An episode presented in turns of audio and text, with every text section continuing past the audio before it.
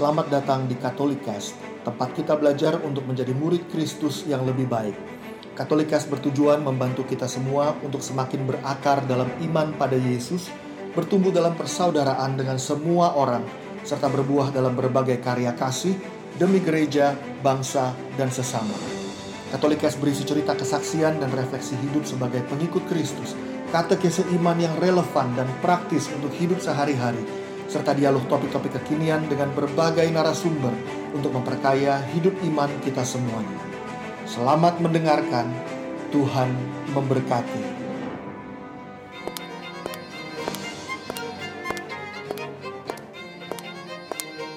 Sepatu kaca, wake up princess.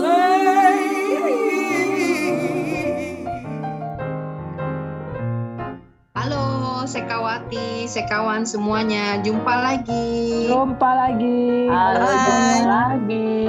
Apa kabar semuanya? Semoga semuanya sehat-sehat selalu. Puji Tuhan, udah ses- udah komplit vak- vaksinnya. Nah, di sini Wah. hadir kembali dengan empat orang, yang satu absen. Ada Lia, Hai. ada Chen, Halo. Ada Mbak Afi. Hola, hola, hola. Nah, kita mau ngobrol-ngobrol, ngobrol-ngobrol. Ngobrol Jadi mulu sebelum- kayaknya kita ya. Iya ngobrol mulu. Makan-makan kayak sekali-sekali podcastnya ngobrol mulu. Ntar makan-makan yang kedengeran gitu, Agak jijik ya. agak jijik. Biasanya enak bunyinya. Nah, gue tuh sengaja ngajak mereka ini mau ngobrol-ngobrol. Sebenarnya rada curhat juga. Beberapa minggu belakangan ini di salah satu grup WA grup di tempat gue eh, itu padahal isinya adalah mama-mama gitu ya. Itu kita lagi bahas tentang child free. Uh, rame tuh kayaknya. Rame. Padahal mak-maknya udah pada punya Iya. anak semua tuh ya, nah, grup lo. Padahal Betul. semuanya berstatus tidak child free. Iya, berarti semua pada nggak setuju dong. Nggak setuju sama child free loh. dong. Enggak juga loh, enggak juga. Masa? Iya, maksudnya mereka, gua nggak tahu ya, kan tahap uh, mama-mama di situ kan banyak tuh ya. Baru ada yang baru punya anak, yang anaknya masih kecil, yang rempong, yang kalau lagi anaknya sakit tuh ngeri-ngeri sedep ya sekarang ya. Mesti bawa ke rumah sakit, mesti bawa ke dokter. Iya, betul. Pandemi kayak gini, jadi bahkan di diskusi itu tuh mereka tuh considering gitu, maksudnya ah, udahlah, kayaknya emang bener juga ya. Maksudnya zaman pandemi kayak begini sih terus gitu hidup juga susah dunia mungkin terlihat tidak aman lagi buat anak-anak atau apa kayaknya gitu mungkin ada yang berpendapat kayaknya better bener sih nggak usah punya anak aja gitu gitu Ah. menurut kalian gimana gimana coba Tapi gue nggak tahu sih. Kalau misalnya yang itu ya, misalnya gue nggak tahu siapa yang ngomong ya. Tapi kalau yang ngomong itu misalnya udah punya anak satu, gue pengen lihat. Abis ini dia punya anak kedua nggak? nah itu Kita tunggu aja ya. Nanti kasih kabar ya Nas. Iya. Kalau gue sih ya, gue kan posisi nggak punya anak nih ya, nggak dikaruniai anak gitu. Kadang-kadang ya, somehow gue suka mikir, aduh, ada suka ngobrol sama suami gue. Mungkin ada maksudnya juga ya Tuhan gak kasih anak ke kita ya, untung juga kita nggak punya anak ya, lagi susah begini, lagi bla bla bla gitu. Kadang-kadang ada blessing in disguise juga gitu. Tapi sih sebenarnya pada saat kami memulai pernikahan ya niatnya punya anak, cuman gak dikasih aja gitu. Gitu sih, mungkin itu perasaan mereka ya nggak tahu deh. gue kadang-kadang juga suka gitu pikir. Kalau sebenarnya sebenarnya biarin uh, biarin kita cukup waktu tuh gue tuh mau membahas tuh based on apa yang kita imani apa yang kita percaya apa yang kita believe gitu loh Ya, kalau pendapat child free itu kan banyak ya dari sudut, sudut pandang macam-macam lah kayak better kita tuh synchronize dan tapi dasarnya itu adalah iman kita jadi sebenarnya pertanyaannya sebagai wanita Katolik sebagai istri atau calon istri Katolik itu gimana sih pandangan kita tuh tentang child free gitu. tentang gue sih dulu waktu belum merit ya, gue sih terus Hmm. terang penganut child free sih. Karena menurut pendapat gue, gue setuju dengan de- wa- waktu itu maksudnya ya, bukan sekarang. belum ya waktu itu dulu ya. Ah, waktu itu gue setuju kalau gue berasa eh eh, even waktu itu aja di awal tahun 2000-an gitu maksudnya ya. eh gue ngerasa dunia ini juga udah nggak bersahabat gitu buat ditinggalin anak-anak gitu. Terus udah gitu kan juga udah waktu itu kan baru-baru tuh ya si Oprah mulai di talk show-nya suka ada cerita soal child molested lah apalah gitu kan. Tambah-tambah gue berpikir aduh udah benar-benar gak aman lah lebih banyak orang jahat. Sehingga terus udah gitu ditambah gue juga merasa gue sedang berkarir waktu itu. Gue ngerasa kebebasan gue juga akan terhambat gara-gara punya anak. So waktu itu gue pernah memutuskan untuk gak mau punya anak sih. Uh, dan gue inget-inget jauh ke belakang. Gue inget-inget ya makanya sekarang gue nggak punya anak gue sempat berasa nih jangan-jangan gue ketiban gue punya pengenan sendiri gitu ya. Uh, hmm. dulu gue pernah ngomong uh, sama nyokap gue kalau gue nggak mau punya anak. Sampai nyokap gue ngomong begini hush maksudnya jangan ngomong begitu. Biasalah ya nyokap nyokap lah ya maksudnya ya. Uh, tapi itu pendapat gue sampai kemudian gue bertemu dengan satu pengertian yang sangat indah soal panggilan perempuan gitu loh bahwa hmm. kekuatan perempuan itu justru ada di kemampuan kita untuk melahirkan uh, apa namanya melahirkan hmm. anak-anak hmm. ya maksudnya ya keturunan yang akan menjadi laskar Kristus gitu dan itu adalah kekuatan perempuan yang sebetulnya paling ditakutin sama si jahat gitu sama iblis gitu maksudnya dan si iblis akan menebarkan semua kebohongan-kebohongan yang akan diambil uh, oleh dunia sebagai seakan-akan kebenaran gitu. Terus udah gitu gue juga ngerasa gara-gara gue punya luka, jadi gue tambah berpikir free itu oke okay, karena gue luka. Gue tuh kan orangnya perlu berasa aman ya maksudnya nyaman aman comfort gitu kan ya. Maksudnya itu itu itu penting yeah. buat gue dan waktu dan gue pernah terluka gara-gara itu gue merasa gue ditinggalkan gue merasa kenyamanan gue diambil. So gue memutuskan untuk nggak nggak bodoh gitu untuk mengalami itu yang kedua kalinya gitu dengan sok-sokan mau punya anak. Tapi gue berpikir justru waktu gue kalah dengan itu, artinya gue masuk tipuan si jahat sih. Itu sih pengertian gue yang akhirnya kemudian mengkonvert gue menjadi terbuka terhadap kehidupan yang tapinya tetap punya rencana yang berbeda. Tetap gue belum, eh gak belum, tidak dikaruniai anak oleh Tuhan gitu maksudnya. Itu sih kalau pendapat gue dari cerita gue ya gitu. Tapi ya. gue lu lu lebih repot daripada punya anak biologis sih. Anaknya banyak, anak rohaninya banyak ya. Gitu. Jadi maksud gue meskipun lu lu sebenarnya nggak child free, lu secara anak biologis nggak ada, tapi lu lebih repot kalau gue lihat daripada emak-emak pada umumnya. Nah itu kalau itu memang karakter gue. Gue si Riko aja bilang, gue kalau lu tahu kan yang kenal-kenal sama gue, gue kalau bawa tas gitu ya satu gembolan gue bawa. Sampai si Riko Satu lemari kan? Uh -uh lu belum punya anak aja segembolan dibawa apalagi ntar punya anak. Emang dasarnya gue rempong kali ya. Anyway. Tapi kan itu, tapi kan masalahnya Lia kan love language-nya emang service. Oh, Jadi ya, itu salah satu iya itu emang komplimen juga kenapa dia kayak begitu gitu mau rempong karena dia service hmm. gitu. Kalau gue sih, hmm, gue nggak pernah sih punya pikiran kayak Lia bahwa gue nggak mau punya anak gitu di waktu gue muda. Tapi ya sama seperti Mbak Afi bahwa ya sama seperti Lia saat ini ya, uh, eh, gue nggak dikaruniai uh, dikaruniai anak, jadi ya uh, eh, gue terima dengan uh, adalah masa-masa struggle. Jadi yeah. Iya. uh, gue saat nggak punya anak pasti gue punya lah masa-masa di mana gue struggle kenapa gitu kenapa gue gitu biasalah pertanyaan-pertanyaan standar kenapa bukan orang lain why, padahal ada juga why, gitu ya padahal ada juga orang lain nggak punya anak gitu ke sana cuma gue yeah. gitu yang malang Uh, tapi betul bahwa setelah dipikir-pikir uh, apa pun itu ada maupun nggak ada, uh, sama kok maksudnya pasti Tuhan punya rencana gitu. Tapi memang gue sendiri dari awal selalu terbuka sih, maksudnya open terhadap uh, karunia untuk seorang anak ya kalau dikasih Tuhan ya gitu. Jadi kalau sekarang orang-orang pada bilang child free gitu, dalam pengertian apa pun ya, berarti dia menolak untuk punya anak, mau kawin tapi mm-hmm. nggak mm -hmm. mau punya anak gitu. Yeah. Menurut gua hmm, itu tuh kayak apa ya? Lu sebenarnya pengen kawin tapi lu nggak pernah siap terhadap konsekuensi perkawinan itu sendiri.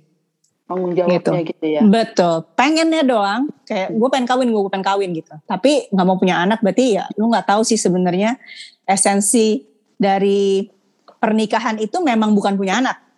ya kita di Katolik tahu bahwa esensi sebuah pernikahan bukanlah seorang anak gitu, tetapi anak itu adalah komplimen, anak itu adalah bagian dari sebuah pernikahan yang sebenarnya nggak bisa dipisahkan kalau itu didapatkan atau itu dikasih sama Tuhan gitu.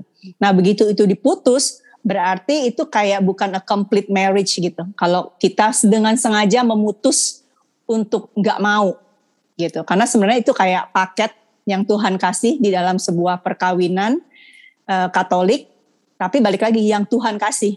Jadi kalau Tuhan nggak kasih itu beda beda cerita gitu. Tapi yeah. kalau dia udah kasih, lu nggak terima, itu berarti lu juga menolak cinta Tuhan sebenarnya. Karena anak yang dikasih itu adalah uh, buah cinta Tuhan juga gitu. Dengan persetubuhan kita dengan suami.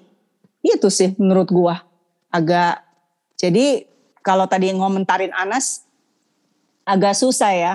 Itu sama kayak hmm, mungkin saat ini semoga nanti teman itu berubah ya. Tapi mungkin saat ini pikiran dia adalah oh ternyata Karena punya lagi anak rempong ya. betul. Mungkin seperti Lia tadi bilang mungkin masih terluka nih gitu. Dengan punya anak ada happy-nya memang, tapi ada banyak luka di mana banyak comfort dia yang diambil saat ini makanya Ya, ya. keluar kata-kata seperti itu. Mungkin gue berharap suatu hari dia berpikir lagi nanti kalau anaknya gede, apalagi kalau ini anaknya perempuan, dia nggak juga ngomong seperti itu ke anaknya gitu bahwa ternyata lu memberikan banyak kebahagiaan di gua. Misalnya gitu kan, dia bisa ngomong gitu ke anaknya gitu sehingga kalau lu punya anak, mama juga percaya bahwa uh, itu adalah akan menyediakan betul ya. betul Tuhan akan provide semuanya dan lu itu bukan sebuah kesusahan buat gua, lu itu kebahagiaan gitu buat gua. Jadi agak sedih sih Hmm. kalau misalnya gua ngebayangin gue jadi anak itu ya, kalau gue udah gede, gue jadi anak itu, pasti gue sedih banget dong ya. Berarti mak gue dulu sebenarnya kalau gue nggak ada juga nggak Berita apa-apa. waktu Iya, sebenarnya Iya, kalau dia ngomong juga kayak gitu secara nggak langsung, gitu. Kalau anaknya analyze lagi ya kata-kata maknya, oh berarti lu nggak terlalu pengen gue dong waktu itu. Buktinya sekarang gue mau punya anak aja lu nggak kasih, gitu. Jadi gue ngebayangin kalau misalnya anak itu gede, dengar mama yang ngomong gitu ya. Kalau gue sih akan, ya. iya, agak-agak sedih sih. Iya. Dulu tuh gue waktu masih muda ya, waktu belum mikir nikah gitu. Gue kalau ditanya, lu mau jadi, lu ntar mau jadi apa Vi gitu? Gue selalu bilang gue mau jadi ibu rumah tangga, punya anak tiga atau empat. Gue pengen punya anak Banyak ya. Banyak ya, Banyak. Mbak. Tadi banyak mau kan? punya Nah, anak, pengen itu- punya anak lima. Oh ya lu lima ya. Nah itu waktu itu pemikiran gue ya waktu itu pemikiran gue sih zaman muda itu gue belum belum based on uh, rohani atau kitab suci apa gitu ya. Uh, base-nya adalah lebih kepada waktu itu penjelasannya adalah gini ada senior gue gitu ya di kantor dia bilang uh, kan waktu itu tuh zaman-zaman uh, anak-anak yang seumuran gue gitu ya pada masa mudanya itu juga model-model yang nggak mau punya anak banyak. Waktu itu bukan nggak mau punya anak ya nggak mau punya anak banyak. Anak satu aja lah yang penting punya anak. Waktu itu gitu ya jadi teman-teman seangkatan gue gitu seumuran gue gitu itu modelnya cara berpikirnya begitu. Lalu ada yang bilang gitu bahwa eh lu uh, gini ini mungkin mungkin pemikirannya logis ya bukan bukan base nya bukan rohani gitu. Tapi dia ngomongnya begini dia bilang lu kan orang-orang yang well educated ya. Lu harus mem, harus me, apa ya me, uh, melipat gandakan lu harus beranak pinak sehingga lu kan punya kemampuan ekonomi lu punya kemampuan uh, uh, intelijen gitu kan intelijen, uh, akal gitu kan jadi lu bisa menghasilkan lu bisa me- mewariskan itu lu bisa mendidik anak-anak yang bagus gitu yang baik gitu ya Mm-mm. yang berkualitas kayak gitu. Jadi maksudnya eh, ya waktu itu sih em, bukannya mau melawan bukannya mau melawan pemerintah yang waktu yang mengkampanyekan dua anak sudah cukup gitu, cuman waktu itu kita diskusinya adalah eh, orang-orang yang eh, kurang eh, berpendidikan, mereka kan nggak mikir kan, mereka mereka nggak mikir, mereka punya anak aja gitu, padahal ekonomi susah apa segala macam gitu. Kebayang nggak sih kualitas anaknya gitu ya? Hmm. Eh, nggak punya uang, sekolahnya susah, bla bla bla gitu. Sedangkan kita kita ini yang berpendidikan cukup, ya seharusnya kita justru menghasilkan generasi baru, generasi muda yang well educated gitu. Eh, gue Gitu, setuju waktu deh. itu gue kepikiran gitu. Tapi gue setuju sama Mbak Afi karena barusan Mhm. nih gue mau nimpalin tadi gue ada konsul satu pasien Mhm. eh, anaknya menantunya sih yang konsul tadi mantunya konglomerat. Jadi konglomerat Mhm. ini punya empat anak gitu ya. Oke. Hmm. Uh, dan empat anak ini selalu punya empat anak lagi. Wih bagus Hmm. dong. Betul. Jadi tadi tuh kita ngobrol nih, habis udah selesai konsul kita ngobrol gila ya. Orang gue anaknya tiga, bukan gue itu. bukan lo, bukan lo yang konsul. Lo kalau konsul Segera, langsung berarti WA se- sebentar lagi jadi konglomerat abis lo anaknya empat. Kalau gue Iya. usia empat, jadi jangan-jangan gue konglomerat, bener nggak? Bener Amin. juga. Amin. Gua aminin gimana? Amin. Amin gue mah langsung. Amin. Eh, Iya tadi gue gue nimpalin Mbak Afi gitu. Jadi tadi abis konsul itu gue jadi ngobrol sama teman-teman gue ya. Kenapa? Terutama konglomerat yang ini ya. Kenapa mereka punya anak mau punya anak banyak? Gitu kan. Eh, tapi memang mereka dari Kristen yang kuat ya, Kris- Kristen Hmm. yang ortodoks yang kuat gitu. Jadi Oke. eh, tadi aja dia mantunya itu adalah Master Theology of apa gitu. Wow. Eh, jadi kita tuh lagi ngomong-ngomong. Tapi mungkin salah satunya adalah yang Mbak Afi bilang sih. Ya gue nggak tahu ya alasan dia kan nggak pernah ngobrol sama keluarga dia ya. Kenapa sih lu mau punya anak banyak, bikin cucu banyak gitu maksudnya. Mhm. Tapi mungkin itu karena banyak yang bisa diwariskan gitu betul. untuk anak bukan cuma harta ya mungkin banyak hal lain gitu yang bisa diwariskan dan juga mungkin eh, nggak tahu ya karena garis keras dari Kristennya itu juga yang membuat mereka berpikir it's okay punya anak banyak gitu jadi ya seperti yang di kejadian bilang beranak cuculah dan eh ya beranak cuculah ya bumi. iya betul dan kuasailah kan. Perintah itu aja. Loh. Perintah kan itu. Perintah bukan cuma Kualifikasi suggestion dari itu. Beranak cucu lah pakai tanda seru ya.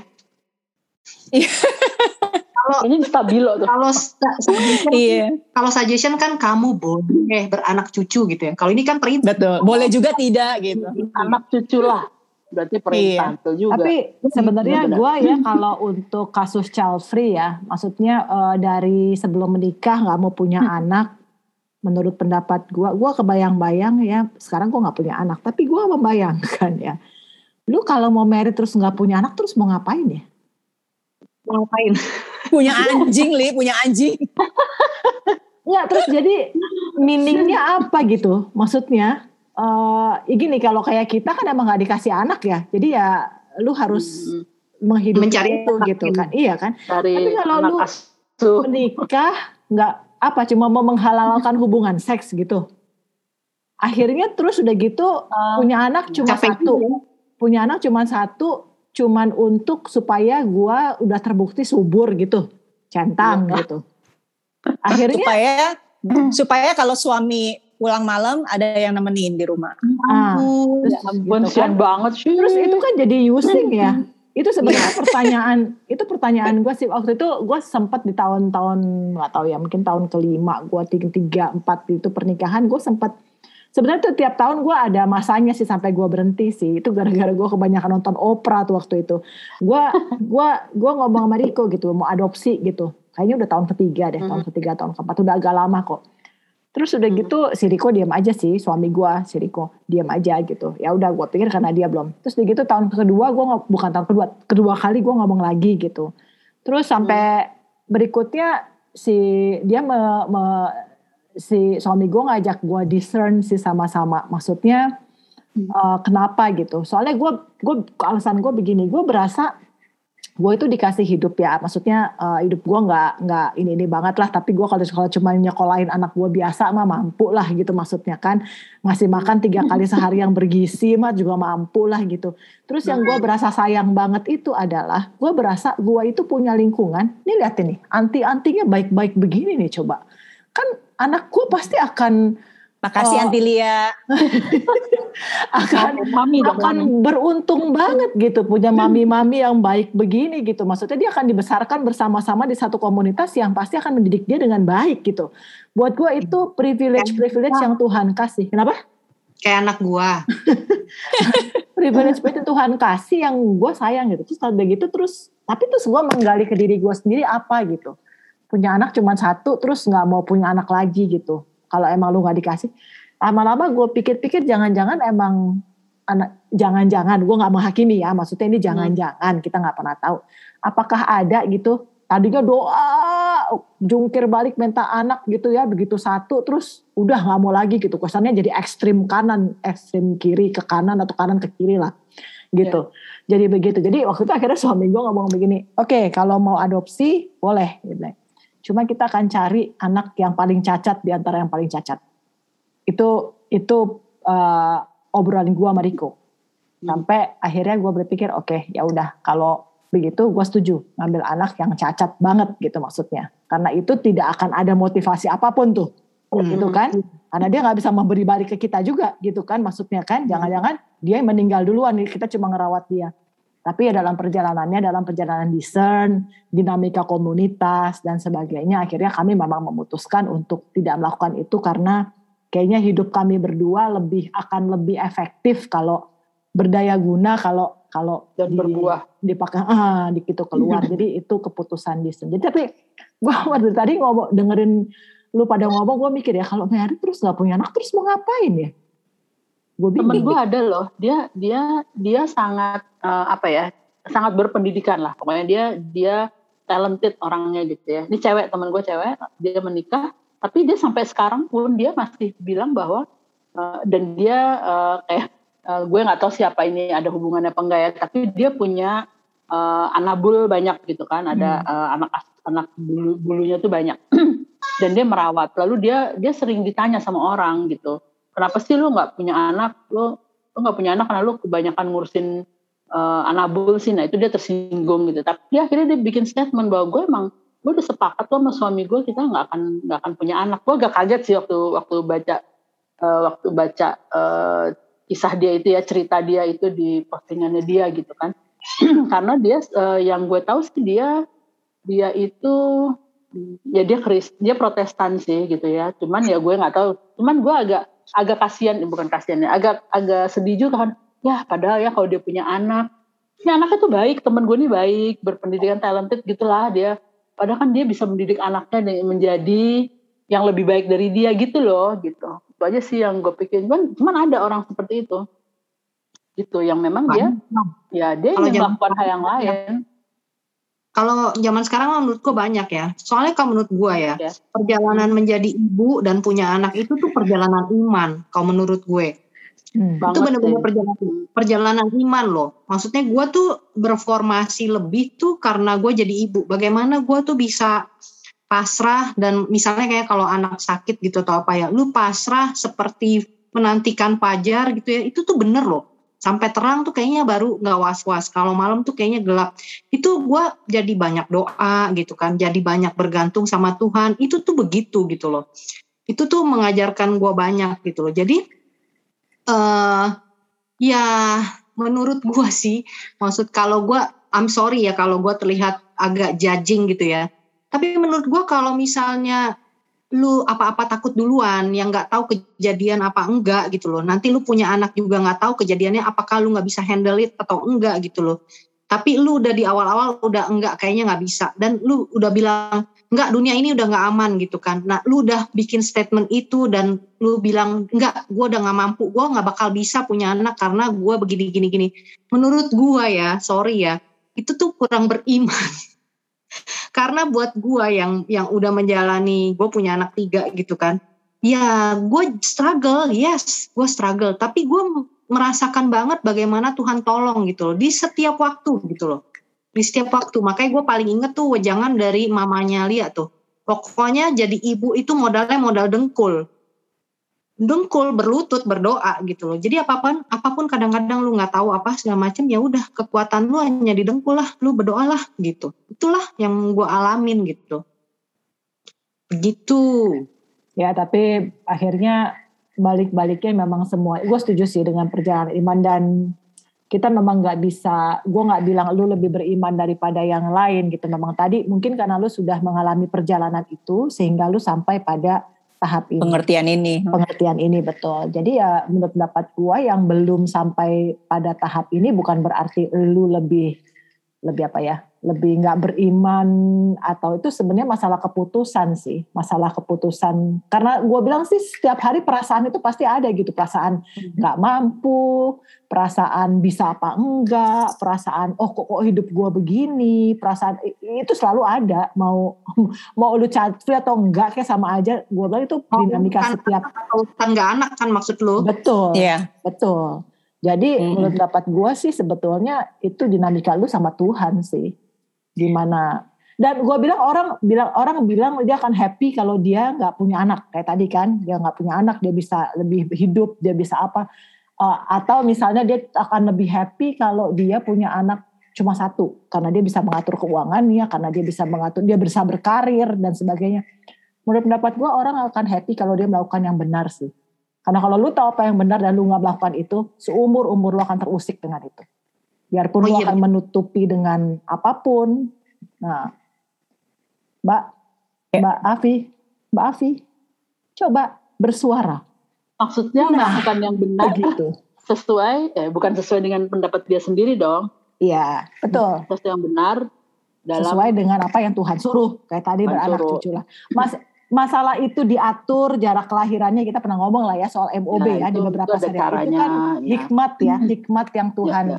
berikan lewat akal budi lewat pengertian kita akan tubuh kita dan sebagainya itu itu ya kita mesti bersyukur sama Tuhan. Masalahnya lu cukup mau apa enggak untuk melakukan itu gitu. Karena kalau lu nggak mau ya lu nggak bakal bertumbuh dalam iman gitu aja sih. Makanya kan tadi gue bilang semoga temennya Anas tadi uh, beberapa tahun ke depan, apalagi nanti kalau dia ternyata ntar punya anak kedua gitu ya, ya dia berubah pikiran dengan perjalanan imannya. Tapi Amin. mungkin yang perlu kita mungkin kelompok Anas juga ya itu yang di grupnya mungkin harus saling mendoakan juga kali ya hmm. supaya iman mereka semakin bertumbuh dan percaya sama Tuhan dalam membesarkan dan memenuhi bumi ini dengan anak-anak mereka gitu. Eh, tapi gue pengen tahu deh, Anas. Gue hmm. pengen nanya, Nas, lo kan waktu maksudnya lo dari awal memang lo udah terbuka akan uh, kehidupan ya untuk punya anak gua gitu ya? Gue punya lima mbak, serius. Tadi, gue tadi oh, mau lima. Oke okay, oke. Okay. Jadi uh, terus kan kalau nggak salah anak lo anak kedua yang agak susah waktu itu ya? Yang mabok, gua, lu kan anak kedua. Jujurnya gue tiga-tiga anak gue susah semua. Sampai gue... tidak membuat lo kapok? Uh, rada kapok sih. trauma. Katanya anak pertama katanya nggak terlalu uh, mual nggak apa-apa gitu. Ntar anak kedua hmm. enggak, ternyata anak kedua mual lagi gitu. Ntar anak yang ketiga kagak, ternyata mual lagi. Hmm. Hmm. mual terus. mual terus. Oke. Okay. Lalu apa ya. yang membuat lo tetap tetap maksudnya lu nggak trauma kan kayak tadi cerita temen lu apa dia ada luka ada trauma punya anak segala macam lu apa yang membuat lu tetap maju terus pantang mundur untuk tetap ya, punya anak ya. walaupun udah sakit-sakit gitu gue nggak tahu lah ya maksud gue itu tuh seperti menurut gue punya anak pangga tuh sebenarnya panggilan ya. Maksudnya lu kadang-kadang lu lihat kan kenapa orang ada mau jadi biarawan yang pakai baju kasar yang tidurnya di depan? Kenapa gitu kan? Kan bisa kasur itu kan barang biasa gitu kan. Nah sam, gue rasa sama ya sama seperti bagaimana Tuhan manggil gue punya anak gitu ya. Jadi menurut gue meskipun itu painful ya tapi yet I'm happy because karena gue jawab panggilan Tuhan gitu loh. Jadi gue sih terus terang maksudnya itu tuh kalau punya anak tuh sebenarnya menurut gue ya bukan karena gue sama laki gue mau gitu langsung brojol enggak gitu loh gitu kan. Ya, tapi ya ya ya ada aja gitu emang Artinya memang lah ya itu ada ya. aja barangnya Tuhan iya. iya iya betul gitu. Oke oke. Gitu sih. Tadi gue selalu terbuka gitu ya Kenapa? Tadi satu poin lagi yang gue mau tambahin tadi Cencan bilang kan mungkin teman-teman yang dalam uh, grup itu atau itu mesti saling mendoakan ya misalnya berdoa. Satu mungkin satu lagi sih. Itu lagi menurut pendapat gue kita sebagai orang-orang yang telah di mengetahui kebenaran itu bukan gratis loh. Itu rahmat loh. Lalu bisa ada misalnya di satu lingkungan teman-teman atau di satu apa ya komunitas mungkin yang membawa lu pada kebenaran firman itu enggak enggak bukan karena kebetulan gitu. Lu ada di situ gitu. Iya. So menurut pendapat gua selain mendoakan jangan-jangan kita harus mencintai dengan cara yang keras yaitu dengan uh, terus menyuarakan kebenaran biarpun tentu saja cara ya cara itu penting ya. Karena cara itu bisa bisa jadi nggak bikin efek jadi nggak efektif. Kebenaran jadi nggak efektif. juga ya. itu nggak asik juga. Tentu saya cara benar doa minta hikmat Tuhan waktunya caranya tempatnya gimana caranya. Tapi tetap menyuarakan apa yang apa yang benar sesuai dengan firman Tuhan itu gue bilang sih itu it's a ya. Biarpun hmm. akhirnya kita jadi ya biarpun kita akhirnya jadi nggak populer kita jadi di disebelin juga gitu kan maksudnya tapi ya. ya bukan itu panggilan kita sebagai orang Kristen buat ngelawan arus dunia ini gitu betul iya. buat disebelin ya kan ya. kebenaran buat gue sih gak terlalu susah sih karena gue udah agak disebelin emang udah menyebalkan ya Beliin mana tipe 8. yang tipe benar. tipe 8, tipe 8. Udah biasa ya Nas ya, tipe 8 ya dimusuhin. gitu. So, jadi itu uh, apa? Ngobrol-ngobrol kali ini lumayan berbobot nih buat gue sih berbobot banget gitu ya. Ternyata banyak banget apa hal-hal ya mak maksudnya meskipun kita sepertinya melawan arus toh tetap kita harus sebagai murid Yesus harus tetap berada di jalan yang benar mewartakan kebenaran no matter orang dunia mau bilang apa mau bilang kita aneh atau apa tapi itulah yang harus kita jalankan. Perintahnya lah yang paling eh, prioritas. Betul nggak? Ya, Betul. Banget. Kalau Setuju, orang-orang orang-orang orang sales ya suka ngomong gini, maju terus, maju tak gentar, membela yang bayar. Buat gua, Hmm. Tuhan Yesus udah bayar kita Bayar. semua di atas kayu salib. Darahnya. So, maju tak gentar, membela yang bayar, itu benar. Itu. Karena Tuhan Yesus telah membayar kita lunas di atas kayu salib. Bayarnya udah pakai darah ya. bayarnya pakai darah jadi kita mau ngajak sekawan sekawati sekalian kita mau ajak nih supaya princess princess ini pada wake up satu dua tiga wake, Wake up, up, princess! Ya stay positif stay safe juga dan maju tak gentar membela yang Inilah yang Membela yang bayar. Amin. Dah. Oke, bye. Jangan lupa ke IG kita ya. Ya, sepatu kaca dotok. Oke. Bye. Bye-bye, stay safe.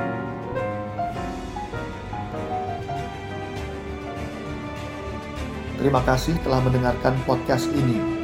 Jangan lupa untuk berbagi Katolikes kepada para sahabat dan kenalan kita, supaya semakin banyak orang mengenal kabar gembira Tuhan Yesus dan mengalami kasih-Nya yang memulihkan, menguatkan, dan memberkati.